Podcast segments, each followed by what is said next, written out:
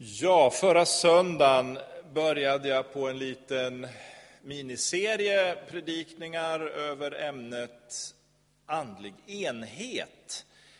Och eh, idag så fortsätter vi för att avsluta nästa söndag. Och du har hört texterna från första Korintierbrevet kapitel 12 och kapitel 14. Och så slutar han det tolfte kapitlet med att säga att han ska visa en väg som vida överträffar de andra.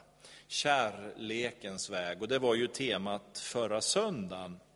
Då såg vi på kärlekens ytterligheter och dess eh, karaktär och så såg vi på kärlekens bärighet.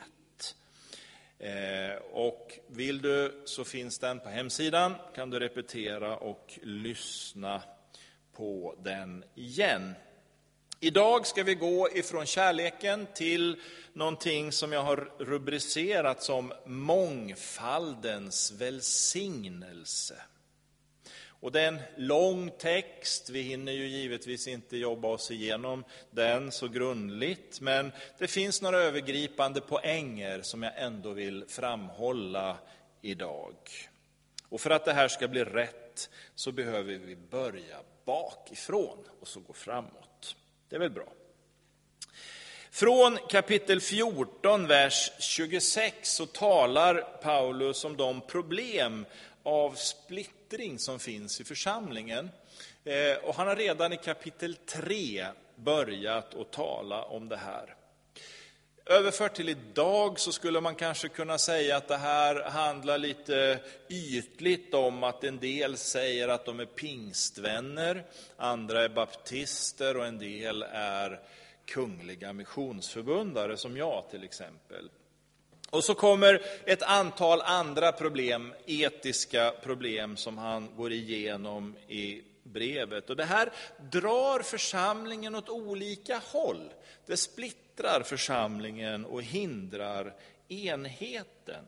Och det här betonar Paulus i sista delen av det fjortonde kapitlet. Vi har ett ansvar, säger han, vi behöver förvalta Guds gåva. Profeternas andar underordnar sig profeterna, för Gud är inte oordningens Gud. Och det är viktigt att vi alla förstår att leva i den kallelse som Gud har gett. Inte vad jag själv försöker skapa eller den plattform som jag själv försöker bygga åt mig. Jesus talar i Johannes evangeliets femtonde kapitel om att vi ska bära frukt då äras Gud. Det är vår kallelse. Så när församlingen nu drar åt olika håll, som Paulus talar om, så hindrar det oss från att bära frukt och Gud blir inte ärad. En del av den oordning som rådde i församlingen i Korint var ju det som vi idag ser som det kanske mest politiskt inkorrekta man kan tänka sig. Talet om kvinnan som han nu skriver om i några verser. Det finns många olika tolkningar kring den frågan och vi har inte tid att fördjupa det avsnittet, även om det vore trevligt på många sätt. Men jag vill ändå beröra det lite sådär. Tittar vi på den omgivande texten ser vi att Paulus tar upp det här i relation till gudstjänsten.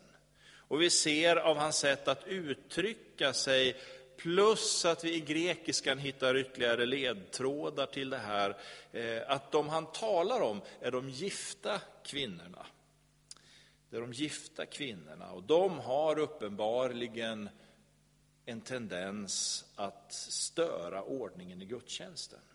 De sitter och frågar sina män om sånt de inte förstår. Och den tanken har ju en samklang med röran i det här överlag, att det var många som profeterade samtidigt. Det fanns ingen linje i gudstjänsten. Tungotalet används på ett sätt som har skapat lite kaos. Utifrån de här verserna eh, så är det svårt att skapa sig en uppfattning hur Paulus generellt ser på kvinnan. För vi vet av andra texter som han skriver att givetvis har kvinnan alla möjligheter att vägleda i olika sammanhang. Och vi kan ju välja att tro på det här som står eller inte. Vi kan tolka om det, hitta andra vägar och försöka att skapa en egen tolkning av det. Det blir alltid problem och utmaningar där eh, när vi då ska hantera andra texter om vi omtolkar. Vi kan inte rycka ut en vers här och bygga en teologi kring den versen. Eh, även om man skulle vilja gräva här nu så, så, gör vi inte det, utan vi stannar vid det här som Paulus talar om, eh, att det gäller att ha ordning i församlingen även i talet om kvinnan. Men också att enheten är en nödvändig förutsättning för att man ska kunna verka i Guds plan som församling. I den första delen av det fjortonde kapitlet förstärks budskapet, om vi kommer in på punkt två. Budskapet i kärlekens lov. Han inleder ju med att sträva ivrigt efter kärleken. Lite omtolkat, var brinnande i din längtan efter den kärlek som övergår allt annat. Var överlåten, hängiven, uppfylld av. När vi kopplar samman det här med Gud i djupet av våra hjärtan så börjar ju också den kärlek som det trettonde kapitlet talar om att flöda in i våra hjärtan. Och vi formas mer och mer att bli lik Jesus, så som vi ska sträva efter att vara. I den här undervisningen Paulus har finns det en tydlig tanke att den gudagivna kärleken föder något nytt i våra liv. Någonting som är exklusivt för den kristna gemenskapen, som inte finns där ute i det som vi kallar för världen. Något som skapar en djup samhörighet, en djup överlåtelse till varandra, någonting som bara finns i den kristna församlingen.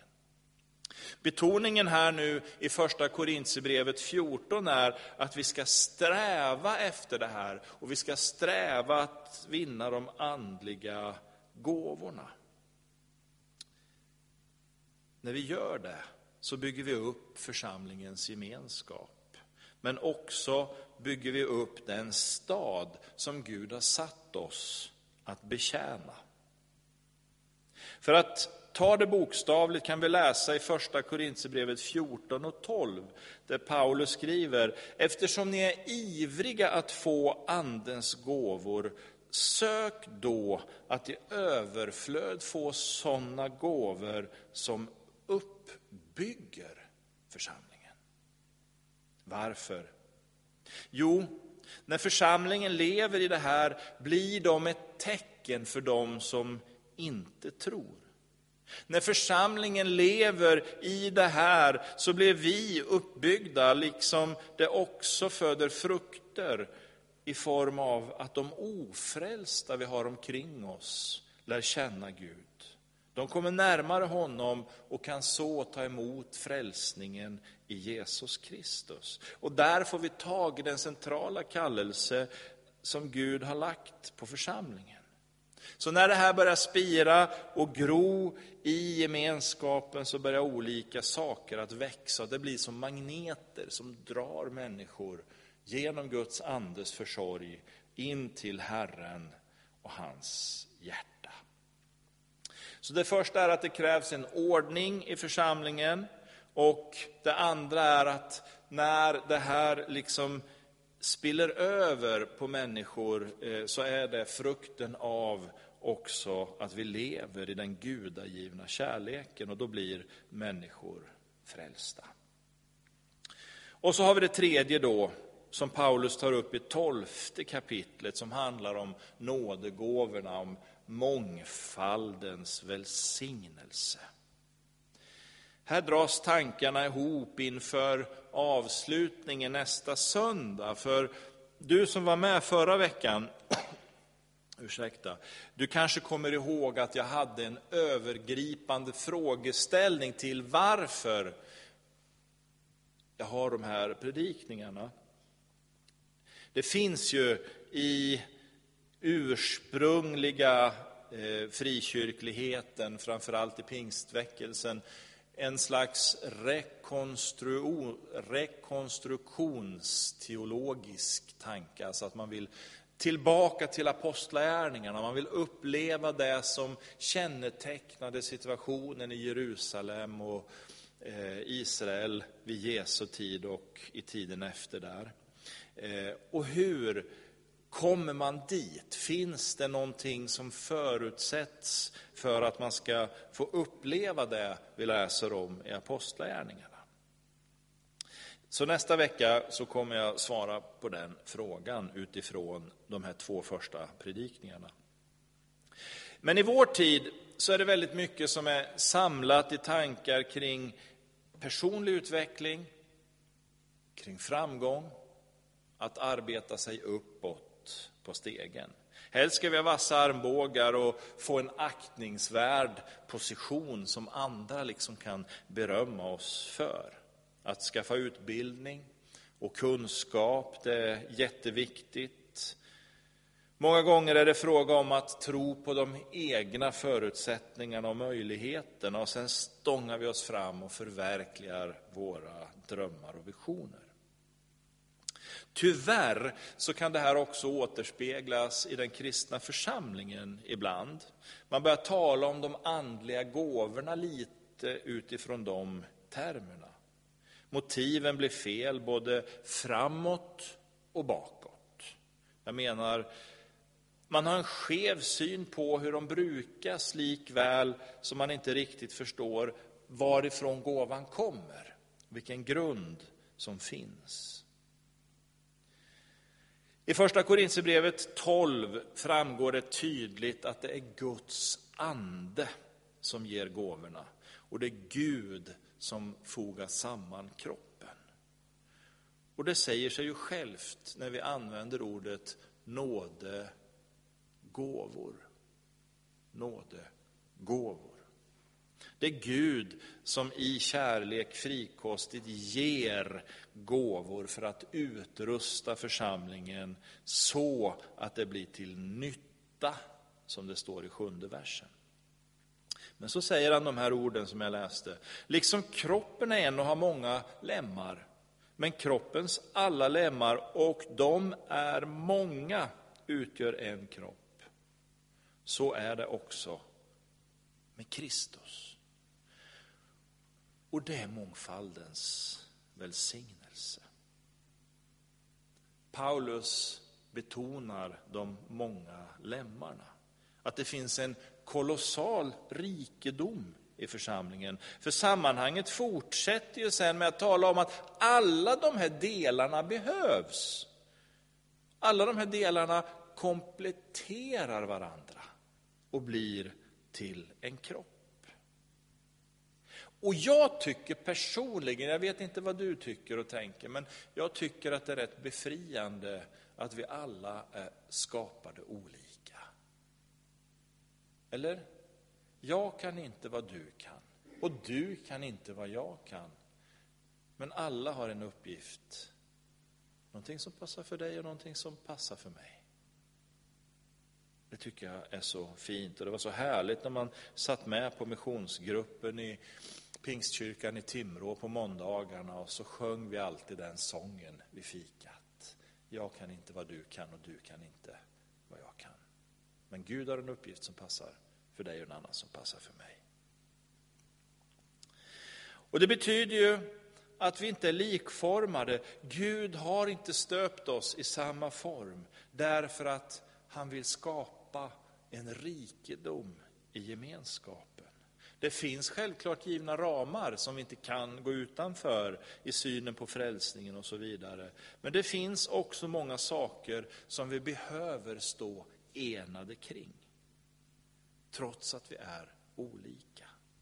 Det finns nyanser som skiljer oss och det gör att församlingen har en rikedom. Och när vi får tag på det här och bejakar detta, att vi är olika, vi har olika gåvor, så blir det, säger Paulus, ett vittnesbörd för världen. Att tillsammans få utgöra en bredd som gör att vi vinner ännu fler människor för Herren. Alldeles för kort tid för att gå igenom de här kapitlen, men det första är att det krävs ordning i församlingen för att Guds plan ska kunna förverkligas. Det andra är att när vi betjänar varandra och lever i kärleken spiller det över och människor blir frälsta. Och det tredje, kroppen är en, men lemmarna är många. Det finns en välsignelse i den mångfalden. Lyssna gärna igenom det här på nätet när du har möjlighet och passa på att förbereda dig för nästa söndag, för det är då det brakar loss. Läs första Korintierbrevet kapitel 12, 13, 14 och Apostlagärningarna kapitel 1 och 2. Det är lite som i skolan det här. Men det var så jag började min bana en gång i tiden som lärare. Så nu får du en hemläxa att läsa första Korinthierbrevet kapitel 12, 13, 14 och Apostlagärningarna 1 och 2. Så blir det förhör nästa vecka. Låt oss be. Vi tackar dig Fader för att du i din stora nåd har gett oss gåvor att förvalta. Tack för att du har gjort oss olika för att vi ska se rikedomen i din skapelse, rikedomen i din underbara värld. Och för att vi med våra olikheter ska kunna nå ännu fler människor för dig. Vi lägger våra liv i dina barmhärtiga händer.